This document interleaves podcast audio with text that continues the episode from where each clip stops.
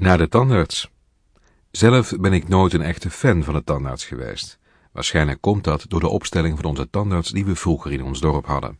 Zo'n beetje alle mensen die daar klant waren, hebben nog steeds fobieën en waanbeelden van die behandelingen.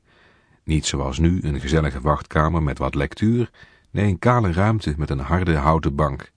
Geen vriendelijk lachende assistenten bij de deur, nee een secretaresse die niet misstaan had als knecht op een veehouderij.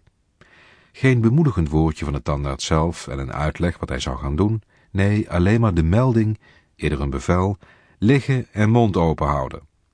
Mensen, en zeker kinderen, die mij vertellen dat ze bang zijn van de tandarts, begrijp ik dus volledig, en als men een bezoek moet brengen aan deze beul, dan heeft men mij medeleven.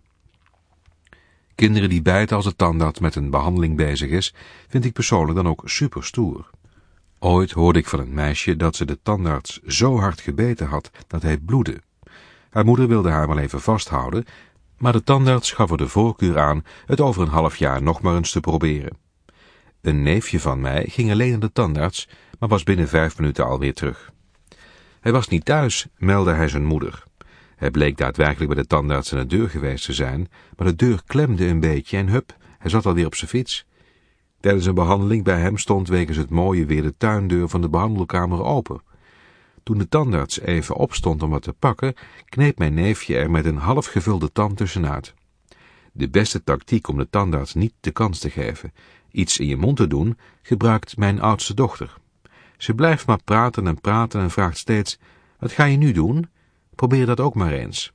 Bij haar werkt het prima.